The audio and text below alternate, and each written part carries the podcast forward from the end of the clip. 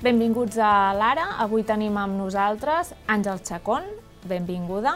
Gràcies. Fins ara, secretària general del PDeCAT i a partir d'aquest dimarts impulsora d'un nou partit, que es correcte. diu Centrem. Sí. Correcte. Què és Centrem? Doncs Centrem és un projecte polític, un partit polític, un nou partit polític, eh, fet eh, des del consens, perquè aquí hi ha persones amb diferents sensibilitats, persones que venen de diferents projectes polítics, persones independents, que han decidit eh, o estan d'acord bàsicament en dues coses essencials. Eh, pel que fa al, al, al conflicte polític a Catalunya s'ha de resoldre dins el marc de la legalitat, eh, a través del diàleg, d'una solució pactada, acordada i votada pels ciutadans de, de Catalunya, això perquè fa el, el primer, després ja entrarem en quina solució, i després, en el segon, i també molt important, Catalunya està vivint una situació de, doncs de, de, de pèrdua, de, de, està deixant de ser el referent que era, no? i aquesta irrellevància social i econòmica que, que està patint Catalunya, doncs eh, la volem revertir. Mm? I per tant, aquests són els dos punts eh, bàsics. Vostè era secretària general d'un partit ja uh, fins fa molt poc, del, Sí. del PDeCAT. Per què n'impulsa un de nou? El PDeCAT no serveix per fer el que ara mateix m'ha descrit? Sí, però cal, eh, el PDeCAT eh, pot ser la gent del PDeCAT, no el partit com, com a tal. Aquest no, és un partit que neix de, de, bé, doncs, d'intencions de moltíssima gent, però el PDeCAT eh, requeria potser d'una major transversalitat, eh, d'un major consens, i això demana integrar gent independent, gent d'altres formacions polítiques, vinguin d'on vinguin, Eh, nosaltres ni, ni classifiquem ni desqualifiquem, tothom que, que vulgui afegir-se en aquest projecte hi és benvingut i per tant doncs, el que fa aquest nou partit és eh, ser més gran, eh, més divers i, i més fort. Aquesta nova gent no es volia incorporar al PDeCAT. No és que no es volguessin incorporar al PDeCAT, és que si entenem la transversalitat com l'entenem, que és eh, buscant consensos, Transversal vol dir no independentista? Transversal vol dir que en l'eix nacional aquí hi ha persones amb diferents sensibilitats, ens, que ens hem posat d'acord en una cosa. Catalunya, com a nació, és un subjecte polític que té el deure i l'obligació també, eh, i el dret, perdó, d'incrementar, de, de millorar el seu autogovern. Aleshores, eh, què vol dir millorar aquest autogovern? Eh, I aquí eh, estem barrejats doncs, catalanistes, federalistes, sobiranistes independentistes que entenem que la solució ha de venir a l'hora de millorar aquest autogovern pot ben ser des d'una millora del, de l'Estatut d'Autonomia, un nou encaix eh, entre Catalunya i Espanya o un referèndum d'independència. Qualsevol d'aquestes solucions acordada, pactada, legal, democràtica i, i, i votada pels ciutadans de Catalunya, pel conjunt de la ciutadania, és una bona solució. Trenquem una altra cosa, el marc mental del tot o res. És a dir, um, mentrestant hi ha moltíssima gestió, competències a, a exercir, negociacions, uh, apel·lem a exercir aquesta bilateralitat amb l'estat espanyol i, evidentment, tot allò que incrementi el benestar dels ciutadans de Catalunya uh, ho anirem a treballar. Per exemple, uh, per anar a un cas concret, ara aquests dies que es parla de la taula de diàleg sobre Sí. quan ha de ser, el seu partit quina proposta hi portaria en aquesta taula de diàleg? Un nou estatut, una reforma del finançament, un referèndum sobre la independència? Ho dic precisament perquè apela a aquesta divers, diversitat que hi ha uh, interna, però quina és la solució concreta que proposen per Catalunya i Mm. el conflicte amb l'Estat? Correcte. Uh, pri en primer lloc, acceptar una taula de diàleg, perquè és molt, molt, molt trist, realment trist, que un govern que actualment representa a Catalunya no estigui ni ben avingut a l'hora d'anar a una taula de diàleg. Jo m'imagino doncs, els interlocutors per part de l'estat espanyol que s'ho deuen eh, doncs, estar bueno, gairebé divertint de veure, espera, que ara venen aquests que venen desavinguts, uns volen la taula de diàleg, els altres no la volen. Per tant, nosaltres d'entrada diríem sí, les solucions passen per ser eh, dialogades, pactades i acords polítics. I quina solució concreta? Molt bé. A partir d'aquí, eh, aspirem, evidentment, a la, a la màxima sobirania, però això no vol dir que en aquestes negociacions nosaltres eh, deixéssim de banda qualsevol oportunitat per la millora de les competències, la millora del finançament. Per això deia que trencar el marc mental de o el tot o res, o no cal fer res, no cal anar-hi a fer res, aquest és el que volem trencar. Què, eh, què és necessari també en el conjunt de la ciutadania a Catalunya? Um, tenim ara, i, i hem dit que parlaríem clars, i, i, i jo prefereixo parlar molt clar, tenim uh, una divisió que és gairebé el 50%, 50% amunt, 50% avall, uh, sobre la posició respecte a la independència de Catalunya. Uh? Uh, la solució que aportem nosaltres entenem que ha de també tenir un, un, un major consens. Val? Uh, aquest major consens vol dir que uh, si ara al, al minut uh, actual uh, guanyés la independència, l'opció d'independència que defensem alguns, sobre l'opció de no independència que defensen uns altres, seria una solució relativament inestable. Val? Per tant, eh, aneu a buscar més consensos i mentrestant anem eh, doncs, millorant el que són les quotes d'autogovern. Però quina és aquest, aquesta proposta que vostès farien ara des del punt de vista gradualista, perquè està dient que eh, no creu que hi hagi un consens eh, majoritari o suficient per la independència ara mateix, quin és el pas que des de Centrem defensa? No reforma doncs del el màxim, de, el màxim de millora de les nostres competències. Veuríem, nosaltres no estem... Un nou estatut? No, no, podria ser, no, o sigui, Uh, anem a seure a una taula a dialogar, a mirar propostes, i a l'hora d'expressar de, de, propostes, doncs uh, veuríem. També hem de ser molt realistes. És a dir, una de les coses que també uh, jo crec que, que gairebé són ridícules és aquests dobles discursos que a vegades hi ha. És a dir, um, d'una banda o en un públic es diu una cosa i després se'n diu una altra. Quan... Qui ho fa, això? Doncs uh, molts partits polítics. Fan dobles i triples discursos, sí, sí. sí, sí. Uh, Vostè ha estat a primera línia, llavors tindrà exemples concrets Sí, exemples concrets, discurs. sí, correctament. A veure, uh, no sé, per posar un cas, Junts. Mm? Uh, el discurs en, en campanya electoral de la confrontació, la confrontació intel·ligent, digue-li com vulguis, la confrontació no anem a... Després, uh, estem a govern, o també el, el, el, ni tenir relació, cap mena de relació, pacte o acord, per exemple, doncs, amb altres partits polítics, veiem doncs, eh, que els costaria ben poc de trencar un pacte a la, a la Diputació de Barcelona. Estan també eh, a la Diputació de Barcelona, estan a, a govern, eh, hi ha tota una sèrie d'assessors que tenen, per tant, això és un, un doble discurs. Un doble discurs també és parlar de confrontació i alhora gestionar i mirar de, de, de fer acords fer un discurs aquí i allà fer-ne un altre. Per tant, a l'hora de fer una proposta en el govern eh, de Madrid, tu pots demanar el màxim, el màxim eh, de, de sobirania de competències, però has de mirar, eh, un, qui tens a darrere, quin suport tens, Esquerra Republicana utilitza el, el, el concepte d'eixamplar la base, nosaltres que hauríem d'utilitzar el concepte d'aconseguir un major consens, i a partir d'aquí aplicar les, les, les solucions. Per tant, ara vostès, si estiguessin al govern de la Generalitat, anirien a negociar la reforma del no, finançament. No, el primer que aniríem com a... No, no aniríem... Ho dic perquè és un debat que hi ha sobre la taula i que ha obert la, la, la Moncloa sobre el finançament autonòmic. Llavors, Per exemple, sentit, si, si hi ha la possibilitat de millora del finançament, és clar que ho treballarem. Eh, això no és cedir un xantatge ni renunciar a res. Qualsevol oportunitat que hi hagi... Fixem-nos que està fent el, el PNB, Mm? Què estan fent? Doncs eh, eh, aspiren a tenir el màxim de sobirania en quant a, a País Basc, però mentrestant aprofiten totes les oportunitats.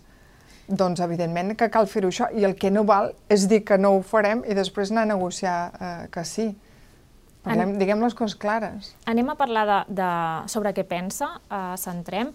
En termes fiscals, per exemple, estarien sí. uh, més a prop del model que hi ha actualment a, a Catalunya en, en els trams autonòmics de, de l'IRPF o apostarien per un model uh, de menys pressió fiscal i de, del que farien amb els impostos propis, per exemple, de la Generalitat, com donacions, successions, patrimoni? Sí, el, Val a dir que avui ha estat la presentació del partit mm. i el dia 12 hi ha el congrés, eh, bueno, el congrés, el primer congrés d'aquest partit i on hi haurà totes les ponències ideològiques, eh, totes es, es, es concretaran. Però d'entrada eh, ja diem de manera clara que estem a favor de reduir la pressió fiscal a Catalunya. Mm? Eh, entenem que l'actual pressió fiscal fa perdre oportunitats, ens fa perdre oportunitats, ens fa ser menys competitius i això no vol dir que eh, no considerem que qui més té ha de pagar més. Això vol dir que cal repensar el sistema doncs, eh, eh d'impostos a Catalunya i nosaltres som partidaris, per exemple, de eh, bonificar i bueno, pràcticament eliminar l'impost de successions eh, i l'impost de patrimoni, l'impost de donacions. Per què? Eh, doncs perquè posem un cas molt concret. Si hi ha algú que, no sé, uns pares que han treballat en un petit comerç, tenen un petit local i un pis, eh, doncs moren i passen aquests béns a la seva filla, per exemple. Doncs eh, aquests béns, la, la botiga i el pis, seguiran tributant el seu impost eh, doncs de béns immobles. No considerem que el fet, de, de, de, que, una, el fet que una persona mori eh, doncs hagi de representar una càrrega pels, pels fills que, que, que hereten aquests béns fruit de l'esforç i el treball dels pares. Per tant, això d'una banda. I després, la, la pressió fiscal també fa doncs, perdre oportunitats. Nosaltres preferim generar més activitat i quantitativament recollir més impostos que no incrementar-los. Per tant, el, el seu model s'assimilaria més al, al de la Comunitat de Madrid actual que no pas el que hi ha instaurat a, a Catalunya. La Comunitat de Madrid té, eh, evidentment, una situació absolutament diferent a la nostra, té l'efecte capitalitat... Eh, però els impostos però, impost, de donacions, impost de, de, successions, sí, de successions patrimoni... i patrimoni, sí, eliminació. Seria el model que, que ara sí. ha fet Ayuso. Uh, no em vull pas comparar uh, amb, la, amb la senyora Ayuso ni amb les seves polítiques, però uh, ja fa temps que moltíssima gent anem dient que la pressió fiscal a Catalunya és alta. Uh, en el seu partit, com ha dit, hi ha un consens o s'ha intentat un consens amb altres formacions que no provenen necessàriament del, del catalanisme polític. Estic pensant uh, en la Lliga Democràtica, que és en el nucli impulsor d'aquesta nova gent formació. De hi ha gent de la Lliga Hi ha gent d'altres partits, hi ha gent independents. Mm. En qui ha hagut de cedir Àngel Chacón, que fins ara liderava un partit que era independentista en, en, el, en la seva ponència política, que és el, el PDeCAT, per assumir un consens amb aquestes altres formacions que no són independentistes. Jo no he hagut de decidir res. És a dir, i jo, en què consisteix el consens, llavors? El consens és, uh, aquí hi ha persones que són independentistes, hi ha persones que no ho són, que són catalanistes, per exemple, uh -huh. no? I ens saltem els, els del mig, els federalistes i els, i els sobiranistes. Um, de moment, amb què estem d'acord? Estem d'acord que Catalunya és un subjecte eh, polític i és una nació i que mm, té tot el dret del món a incrementar el seu autogovern? Sí, estem d'acord. Molt bé. Incrementar l'autogovern fins a on? Bueno, uns creuen que, que, que fins a una proposta, no sé, per exemple, doncs, federalista o, o d'increment de les competències i altres creiem eh, doncs que, que la màxima. Mentrestant, eh, que és el que, el que, on ens posem d'acord, que la solució ha de ser pactada i dialogada, sí, eh, no, no acceptem ni, unilateral, ni unilateralitats, ni confrontació, ni que els conflictes s'hagin de judicialitzar. Sí, estem d'acord? Doncs eh, aquí és on ens mourem ara, perquè hi ha una altra emergència, que és la situació en què es troba Catalunya actualment. El que passa que no és un canvi pel, pel PDeCAT, eh, que segurament ja va fer en, en les eleccions del 14 de febrer renunciar a la unilateralitat, perquè el PDeCAT en el seu moment fundacional avalava aquesta via i va ser un dels protagonistes el, el, el... en els fets del 2017. No, jo, jo, jo si recordo uh, a les eleccions del febrer, del 14 de febrer de, de l'any passat, Uh, sempre vam dir el mateix, solució dialogada, pactada i legal. Uh, Què ni passa la que confrontació... dir això sense proposar una proposta concreta sobre la taula és, és relativament és que, no, no, però jo fàcil. Pregun, no, no aquí, aquí està la complexitat de la política i aquí està l'absurditat de les proclames que no porten a res. Uh, aquí ara podem dir tots, no sé, o oh, jo sóc constitucionalista, l'altre, jo sóc independentista. Sí, a on arribem? A quin acord arribem? Aquí, Això no, no, no hi ha resposta de moment a aquesta pregunta. S'haurà de treballar, clar, s'haurà de treballar. El que no pot ser és que anem dient uh, no, mm, jo estic a favor de la confrontació, demà a dos quarts de vuit implementem la república. Classifiquem la gent en bons, dolents, uh, això s'ha d'acabar. Hem de superar aquest marc mental.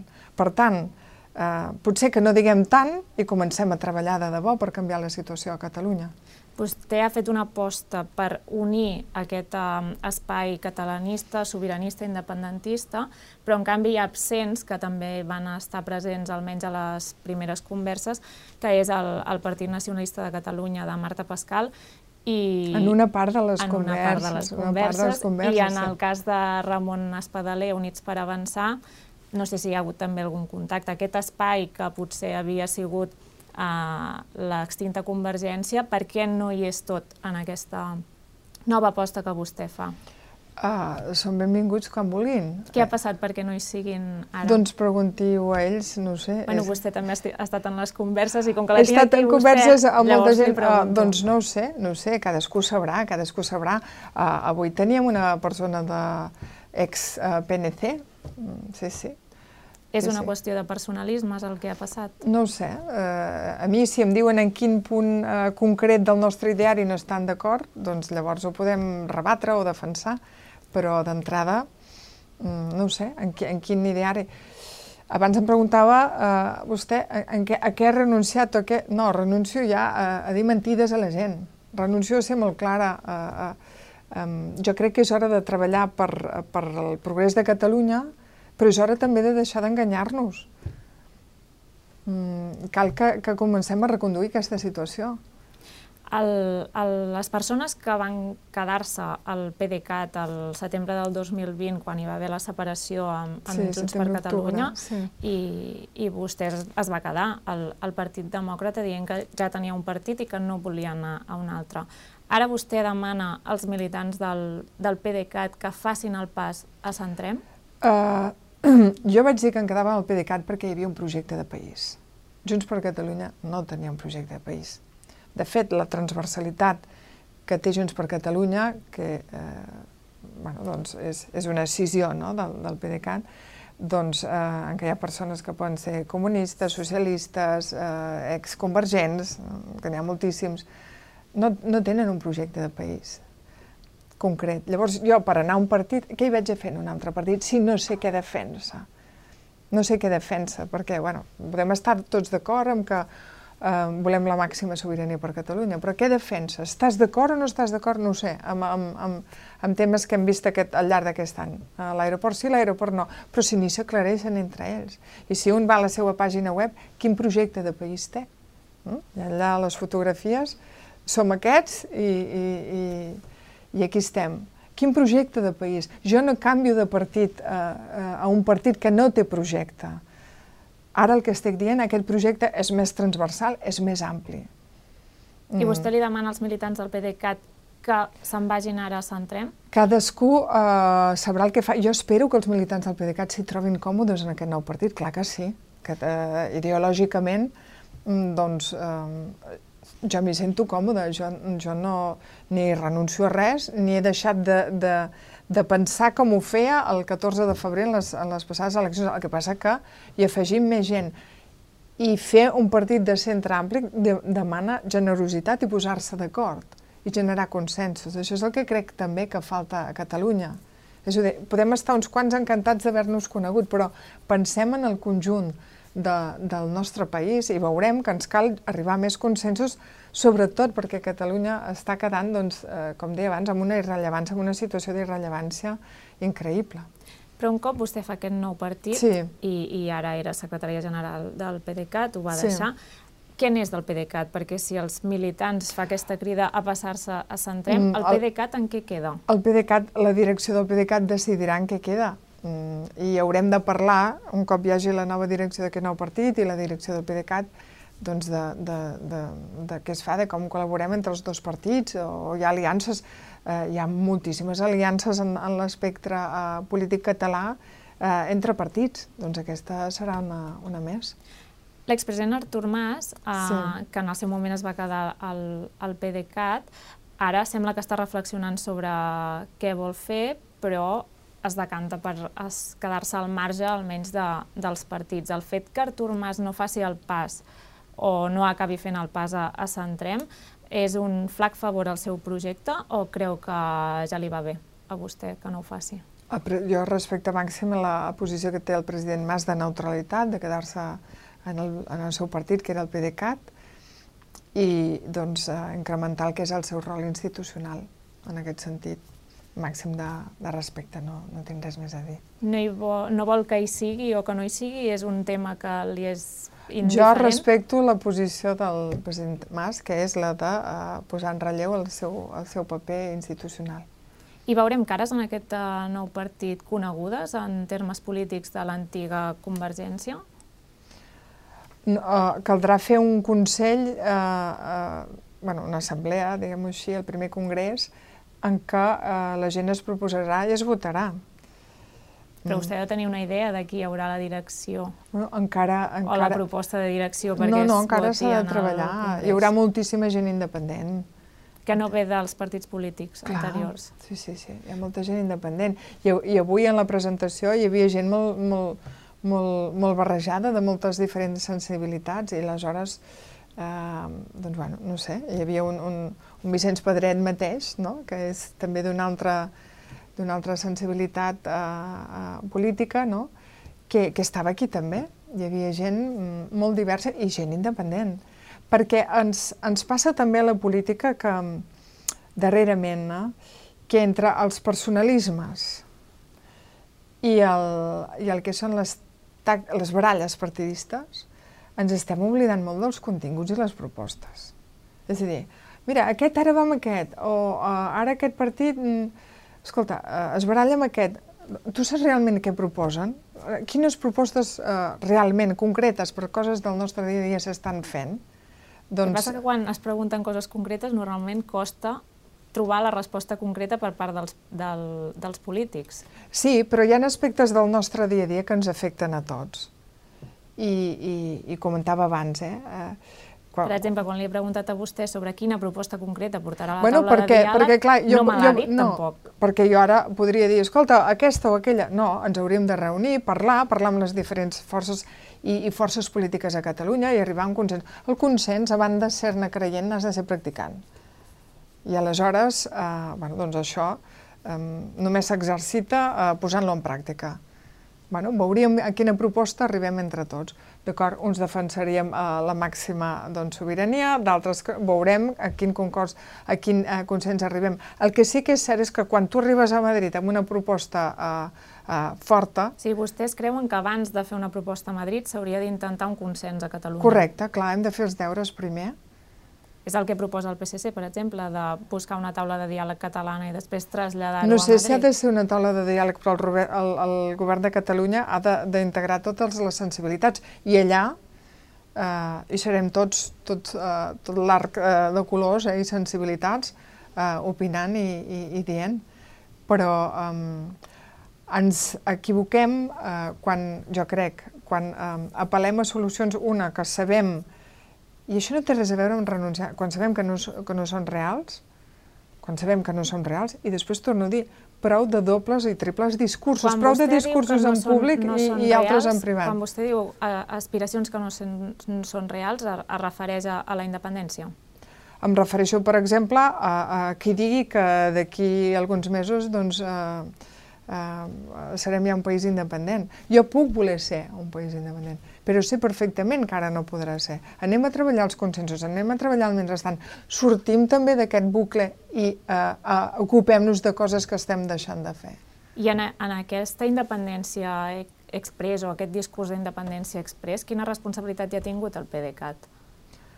El PDeCAT, torno a dir, si vostès repassen el que es deia en campanya electoral, però el PDeCAT no va néixer per campanya no, electoral. El PDeCAT no va néixer, no, el PDeCAT no va néixer en campanya electoral, però evidentment, aquí hi ha hagut uns fets que ens porten a una, a una situació um, de context uh, real, que és la que tenim ara. Um, tots podem haver pres d'errors de, i, de, i, i segur que han fet coses mal fetes, però sobretot també segur, evidentment, l'estat espanyol també pot agafar bona nota de, de, de tot el que s'ha fet malament. Val? La qüestió és, mm, mirem una miqueta endavant, comencem a, a, a mirar una mica endavant i comencem a tornar a, a generar doncs, oportunitats aquí a Catalunya, o estarem encara, eh, i després comencem a dir la veritat de les coses, les coses pel seu nom, ho comencem a fer, o encara estarem Eh, el PDeCAT té la trajectòria que té i políticament tots tenim la trajectòria que tenim i tots som el que som i aquí ningú està per eh, qualificar, bueno, n'hi ha que sí que s'ho creu, no? Eh, eh, el, el nivell de, de bons catalans, de, de catalans mm, no tan bons, aquí som tots, anem a mirar d'arribar a consensos, anem a arribar a consensos, sense renunciar a res, però parlem, pactem. Uh, a mi um, doncs, hi, ha, hi, ha, hi ha una fotografia o una imatge que, que penso que també il·lustra molt uh, aquest canvi de d'algú que sense renunciar a res, per exemple, doncs, a la primera recepció que hi va haver en polítics, el, el, en Jordi Cuixara abraçant a, a, a, a l'Iseta, no? Comencem una mica a, a, a mirar endavant o, o ens anem enemistant més, sense renunciar a res, però siguem realistes. En la presentació de, de, del nou partit s'ha parlat de, de representar a un espai orfe sí. que, que fa molt temps diuen que no està representat a, a Catalunya. Es refereixen a l'espai que podria haver deixat l'extinta Convergència, és a dir, vostès aspiren a ser la nova Convergència d'aquest panorama El context polític? és un altre, els reptes un altres, eh, social i econòmicament tenim una altra realitat Eh, nosaltres volem uh, aspirar a ocupar aquest espai de centre on um, deixem davant d'aquest pensament únic o aquesta visió única de Catalunya, per tant, pluralitat, centralitat. Eh, no som, ens allunyem molt dels, dels populismes i tant de dretes com d'esquerres de, i, i anem a treballar doncs, això per la reactivació econòmica de Catalunya. Creiem en la llibertat col·lectiva i individual, a la iniciativa privada, la col·laboració público-privada, però evidentment eh, també amb tot el que és el sistema de protecció social, eh, la defensa de, de la llengua i cultura catalanes, mm, aquest espai de centralitat, no, no, no tot Catalunya és, eh, és un votant d'esquerres, de, per tant, aspirem a tenir aquesta centralitat tenint en compte que eh, de l'antiga Convergència n'han sorgit diverses formacions i, per exemple, el, el PDeCAT era qui reivindicava la seva herència política, Uh, vostès, sí, perquè d'altres no se'n recordaven que van estar com 30 anys uh, a Convergència. En, en el cas de, de dirigents de Junts que van ser a Convergència, Junts no reivindica l'herència de Convergència, el PDeCAT sí que el, la reivindicava. Centrem reivindica l'herència de Convergència?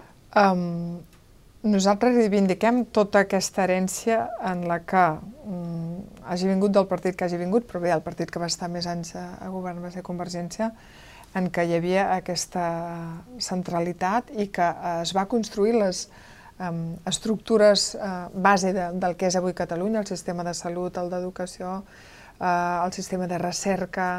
Eh, per tant, de, de, reivindiquen. De, l'herència de Convergència? No reivindiquem, reconeixem part d'aquesta herència i estem d'acord amb part d'aquesta herència. No, no som els hereus de la Convergència, no, no ho som. Som molt més que tot això. La vida evoluciona, els partits també. Um, uh, aquí hi ha molta, moltíssima gent que no ve de l'espai convergent, moltíssima gent. Uh, jo no renego del que ha estat, però anem a construir un projecte polític nou en, en el que uh, ens posem d'acord en una sèrie de coses i, i, i, ens adaptem al segle XXI. El fet de voler fer una nova formació política i no fer-ho des del, del PDeCAT també és per tallar eh, qualsevol herència judicial que pugui venir de Convergència, tenint en compte que encara hi ha casos oberts com el, el 3%. Això ha pesat en algun moment a l'hora de, de fer aquesta operació? El PDeCAT no, no ha estat uh, part en cap judici, el PDeCAT el, no, se li ha demanat igual que Junts, igual que, igual el, que Junts. En el, en el 3% a l'Audiència Nacional sí que està investigat el, sí, el, però, no, el però encara no és part en cap judici, però um, és el mateix cas de Junts, no? que, que molts dirigents d'aquella època estan ara junts, i per tant també en el cas del cas Palau eh, també es reclama el pagament a Convergència, eh, perdó, al PDeCAT i a Junts de la, la sentència del cas Palau, malgrat no han estat part en el judici. No? Um, I el fet de fer un nou partit, una nova estructura, mm, té alguna cosa a veure en fer aquest tallafoc uh, judicial? No, no, no, perquè um, jo crec que el concepte de transversalitat, com deia abans, d'integrar sensibilitats diferents, o el fem des d'un des nou partit, si no haguéssim fet un altre partit diferent, la mateixa gent del PDeCAT, no, estem parlant d'un partit diferent, amb gent, uh, amb gent nova, uh, amb gent independent, Gent d'altres partits? No. A les primeres eleccions, a priori, que, que hi haurà, uh, seran les municipals, en què vostè ja ha dit que centrem i vol tenir una presència. Els alcaldes que tenia la seva formació política, el Partit Demòcrata, la segueixen en aquesta, en aquesta operació, és a dir, el, els, el, veurem els alcaldes del PDeCAT amb la marca centrem en les eleccions municipals?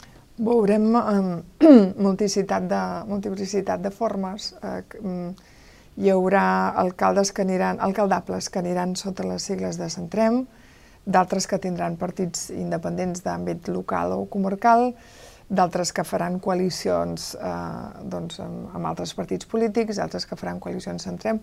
Centrem serà a les properes eleccions eh, municipals. Vostè s'aventura a fer un partit des de, des de zero, eh, tenint en compte que el 14 de febrer va ser candidata del Partit Demòcrata que tenia espai mediàtic, trets electorals, què li fa pensar que ara eh, l'operació pot tenir èxit eh, en relació el 14 de febrer, mm. que el mm. PDeCAT es va quedar a les portes d'entrar a, la, a la cambra catalana?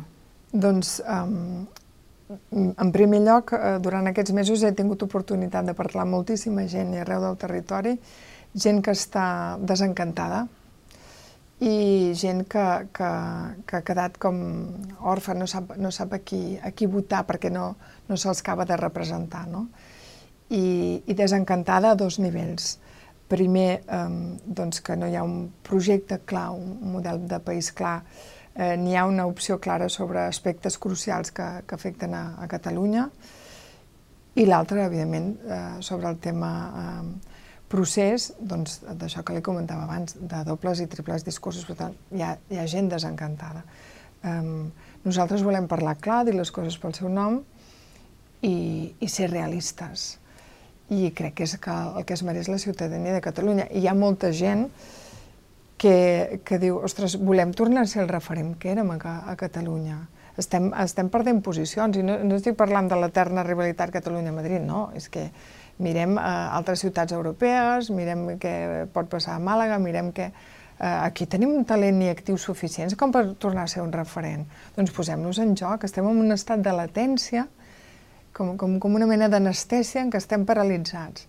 I, evidentment, Barcelona, que la tenim aquí, aquesta ciutat que està ara tan desdibuixada, que, com pot ser que Barcelona encara, um, no sé, algunes vegades penso, encara s'està vivint del rèdit de les Olimpíades, no? Però eh, ens calen més projectes engrescadors, tenim una ciutat molt desdibuixada i això ho volem revertir. És a dir, eh, creu que ara centrem, sí que tindrà espai eh, electoral pel, perquè la gent està més desencantada que el 14 de febrer? És a dir, quin és el factor diferencial mm. que fa que centrem cregui que pugui funcionar i el PDeCAT es quedés a, a les portes d'entrar al, al Parlament de Catalunya a les passades eleccions. El PDeCAT en el seu moment va fer una campanya molt, molt, molt precipitada, tot just feia poc que, que, que hi havia hagut el, el desacord eh, respecte a Junts i en molt poc temps hi havia també, eh, evidentment, molta, molta confusió en tot el que eh, anava a succeir respecte als presos, respecte a una realitat que ara, que és diferent, i després eh, jo crec que a Catalunya encara emocionalment eh, molta gent doncs, estava encara molt afectada per, per tot el que ha passat, tot el que va passar no? després de l'1 d'octubre uh, un cop s'ha vist um, que, repeteixo, una cosa és el que es diu i l'altra el que es fa, uh, escolta, doncs tant per tant, si, si tenim clar per molt que, que, que es vulgui doncs que la realitat és la que és, comencem a treballar la realitat, però projectem un model de país. Hi va haver molts vots de gent que, que va optar per dues, um, dues opcions polítiques moderades, com van ser eh, socialistes i, i Esquerra, però que en canvi diuen, d'acord, el discurs moderat en quant a l'eix nacional ja ens està bé parlar de diàleg i, i tornem a, a revertir la situació de, de, de confrontació, però eh, és que en el model de país no ens posem d'acord. Sobre la pressió fiscal no estem d'acord. La defensa de, la, de les escoles, per exemple, concertades, la iniciativa público-privada, no és el nostre model. I clar, un soci com Esquerra Republicana que pacta eh, o que té com a, un partit que té com a soci prioritari la CUP, no és el nostre model. La CUP està parlant de nacionalitzar, per exemple, empreses farmacèutiques, està parlant de, de, de, de doncs que reverteixin cap a escoles públiques les concertades. No és el nostre model, ho sento, no és el nostre model. Vostès van a representar el centre-dreta moderat a Catalunya? El centre, nosaltres anem a representar el centre. Alguna, estem a favor de l'economia eh, productiva, per exemple, la llibertat d'empresa. I, però, en canvi, també, evidentment, en, en tot el, el concepte d'equitat que, que ha de regir les polítiques socials. I equitat, què vol dir equitat? Dic, bueno, què vol dir equitat? Equitat vol dir tractar diferent a la, a, les, a la gent que és diferent perquè tothom tingui igualtat d'oportunitats. Um, o és que uh, algú es pensa que no tenim uh, ànima uh, en, en aquest sentit. Defensar l'economia productiva vol dir defensar llocs de treball, sobretot de pimes i autònoms que en el seu dia a dia doncs veuen que els problemes eh, van passant sense que se solucionin. Centrem podria pactar amb tot l'arc parlamentari? Quins són els socis que no podria tenir Centrem? Home, Centrem, evidentment, amb Vox no hi pactaria, mm, evident. Amb qui més? Uh, amb la CUP tenim un, un, un... O sigui, per motius molt diferents. El que hem de fer és ser coherents. Uh, no, no és en qui pactes, és què pactes. Però a priori, d'entrada, excloem Vox, i amb la resta de partits, fins i tot en la CUP, si, si estigués d'acord amb, que no ho estaríem, eh?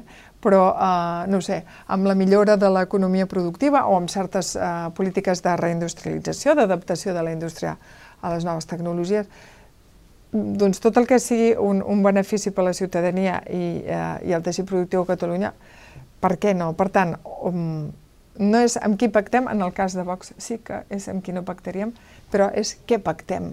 Ho dic perquè, si no recordo malament, el 14 de febrer sí. el PDeCAT va sí. firmar un, un principi de d'acord de, de no pactar amb forces no independentistes. No, no, no. no. no pactar Vam signar, no, no, es va signar, es va signar eh, que eh, no es faria, eh, no es votaria la investidura d'un partit que hagués participat en el 155. I ara no. vostè això no ho signaria? No, no que no com fessin acords. Com a líder jo, de Jo en aquell moment um, he de dir que, que, que, que vaig estar pensant, perquè jo crec en la possibilitat de fer uh, acords amb totes les forces polítiques sempre que representin uh, doncs un, un benefici per Catalunya. Li poso un exemple. Nosaltres tenim aquí el, el supercomputador Mare Nostrum 5 per un acord amb el govern espanyol, per un acord amb un, un, un govern i ministre socialista, si no, no el tindríem. Per tant, um, no, no crec que, que signés ara, en aquests moments, no seria coherent que jo no signés això quan eh, he signat eh, o he treballat acords com, per exemple, aquest que, que estem dient, o d'altres. Però, de la mateixa manera que li estava dient abans que altres forces polítiques eh, doncs, eh, tanquen pressupostos a Madrid, Esquerra Republicana, o governen en alguns municipis.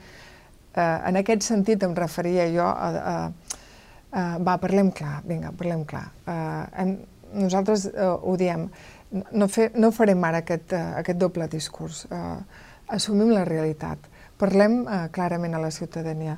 Doncs mira, en tot allò que beneficia la ciutadania, que entenguem que és un bon acord, anem a, a, anem a, a, a celebrar pactes. Altra cosa és també eh, oblidar o pensar que amb la judicialització del que passa a Catalunya acabarem. Nosaltres també estem defensant que hi ha d'haver solucions eh, polítiques eh, de diàleg que ens portin també a mitigar tots els efectes del que ha passat. I avui s'ha dit ben clar, s'estudiaran i es treballarà amb aquestes solucions, sigui un canvi de, de legislació, sigui amb el tema indults o sigui amb el tema amnistia. Per tant, vostè em deia, a què, a què, a què renuncio, a què he renunciat? No sé, mirem la campanya electoral i, i mirem uh, què es diu ara. Jo crec que sí que hi ha gent que, mut, no mutat, no, ultramutat el discurs. Uh, si es mira, mm, jo crec que, que és el, exactament el mateix. Anem acabant. Sí. Uh, a les eleccions que, que vindran, si són municipals o, o espanyoles, que per calendari són les que toquen, si no n'hi ha abans a Catalunya sí, per un avançament electoral. Veurem Àngel Chacón de candidata en alguna ciutat o al Congrés dels Diputats? Mm, no hi ha res previst de tot això. Ara ens, ens centrem a fer el Congrés i, i a treballar. I al Congrés faltarà que esculli qui està al capdavant d'aquest partit i després quan hi hagi eleccions que s'esculli qui serà, qui serà el, el candidat o la candidata a les diferents eleccions. Però vostè on es veu? És a dir, es veu com a candidat al Parlament de Catalunya, jo ara em veig amb aquest, Congrés, no, jo ara, alguna ciutat? Jo ara em veig en aquest treball de generar aquest, uh, aquest consens i d'anar uh, augmentant el consens que demana, que demana aquest partit, un partit com el nostre, no? Ara estem en això i, i ja veurem. Mm, igual demà passat tenim eleccions al Parlament de Catalunya, no ho sé, veurem, perquè... Llavors sí que socis... voldria ser la, la candidata vostè. Ah, veurem, veurem el partit que esculli, però, però evidentment que volem expressar... Um, no, no són personalismes, és a dir, um, deia abans al principi que focalitzar-ho en una persona o en els grans tòtems, mira, és que aquí partit, no, no hi és aquest o no hi és aquell sisplau, comencem a mirar què defensem. Quines propostes, més enllà de la gent. La gent... Um, hi havia un... un bueno, L'altre dia em feia riure un, uns amics meus que em diuen, diu, mira, uh, no sé de qui trien la frase, eh? diu, a la política Uh, diu, passa el contrari que, que, en, que en la medicina, no? La medicina tant te fa si un metge és més popular o menys, o més simpàtic o menys, vols que sigui, o, o metgessa, vols que sigui un bon metge. La política aquesta lògica no hi és. Per tant, eh, tot és molt eteri, no? Eh, però el que sí que intentarem és eh, això que deia, dir les coses clares, buscar consensos eh, i, evidentment, treballar perquè les condicions a Catalunya millorin. Li faig una darrera pregunta. Sí. El fer un partit des de zero i sense tenir presència a les institucions és una tasca difícil. Qui, qui ho paga? tot això? Quin és el doncs, a la, partit? com a la resta de partits, els, eh, els associats, els militants que hi haurà en aquest nou partit i després les persones individuals que vulguin fer aportacions. Però encara, no hem aquest... fet, encara no hem fet el primer congrés. Però entenc que vostès tenen uh, vies de finançament localitzades per uh, emprendre tot, tot com aquest to, uh, com projecte. Tot aquest, uh, com tota la resta de partits, Mm, i, i els que han nascut i els que ja fa temps que tenen que estan... És tot eh, basat en la legalitat i la transparència, és a dir, aportacions, inscripcions al Congrés, inscripcions al Congrés, les aportacions als socis i les aportacions de les persones que, que volen fer eh, doncs, eh, aportacions al, al partit, com, com la resta de partits, vaja, és que no s'ha m'acut d'altra manera. Moltes gràcies a Àngels Chacón. Veurem aquest eh, nou partit al març, el congrés és el, el, el 12 de març. de març sí. Uh, moltes gràcies per les explicacions i a vostès ens veiem a, a la propera. Gràcies.